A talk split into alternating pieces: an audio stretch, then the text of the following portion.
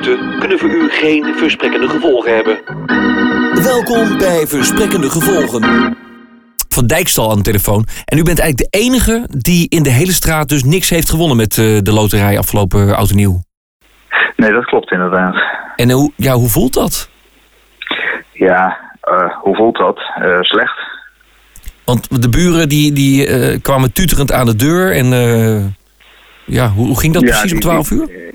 Ja, die stonden dus met, eh, met, met, met champagne en zeggen... "Hey, je kent dat wel? Ja. Nou, helemaal niks dus. eh, nee, nee, nee, nee. Het was, eh, was een, een tegenvaller, zo gezegd. Want de mensen wisten ook dat u gewoon niks had gewonnen in principe.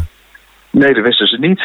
Oh. En ik wist, ja, ik wist zelf eigenlijk ook van niks. Ik zat gewoon naar een oude aflevering van André Rieu te kijken. Ja. En toen opeens nou, een hoop herrie boven, onder in de flat. En Ja. niet bij ons dus. En ik begreep dus, dat, dat- ja, u wist dat niet, want eh, ja, uw vrouw heeft die lood opgezegd. Hoe is dat nu tussen jullie?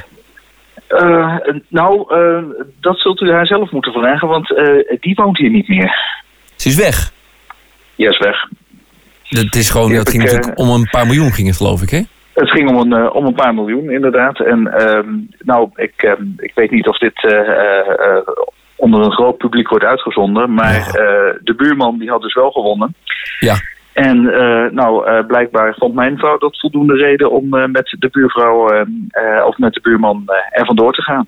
Wat een vreselijk verhaal zo in het nieuwe jaar. Het is afschuwelijk. Ik wens u veel sterkte.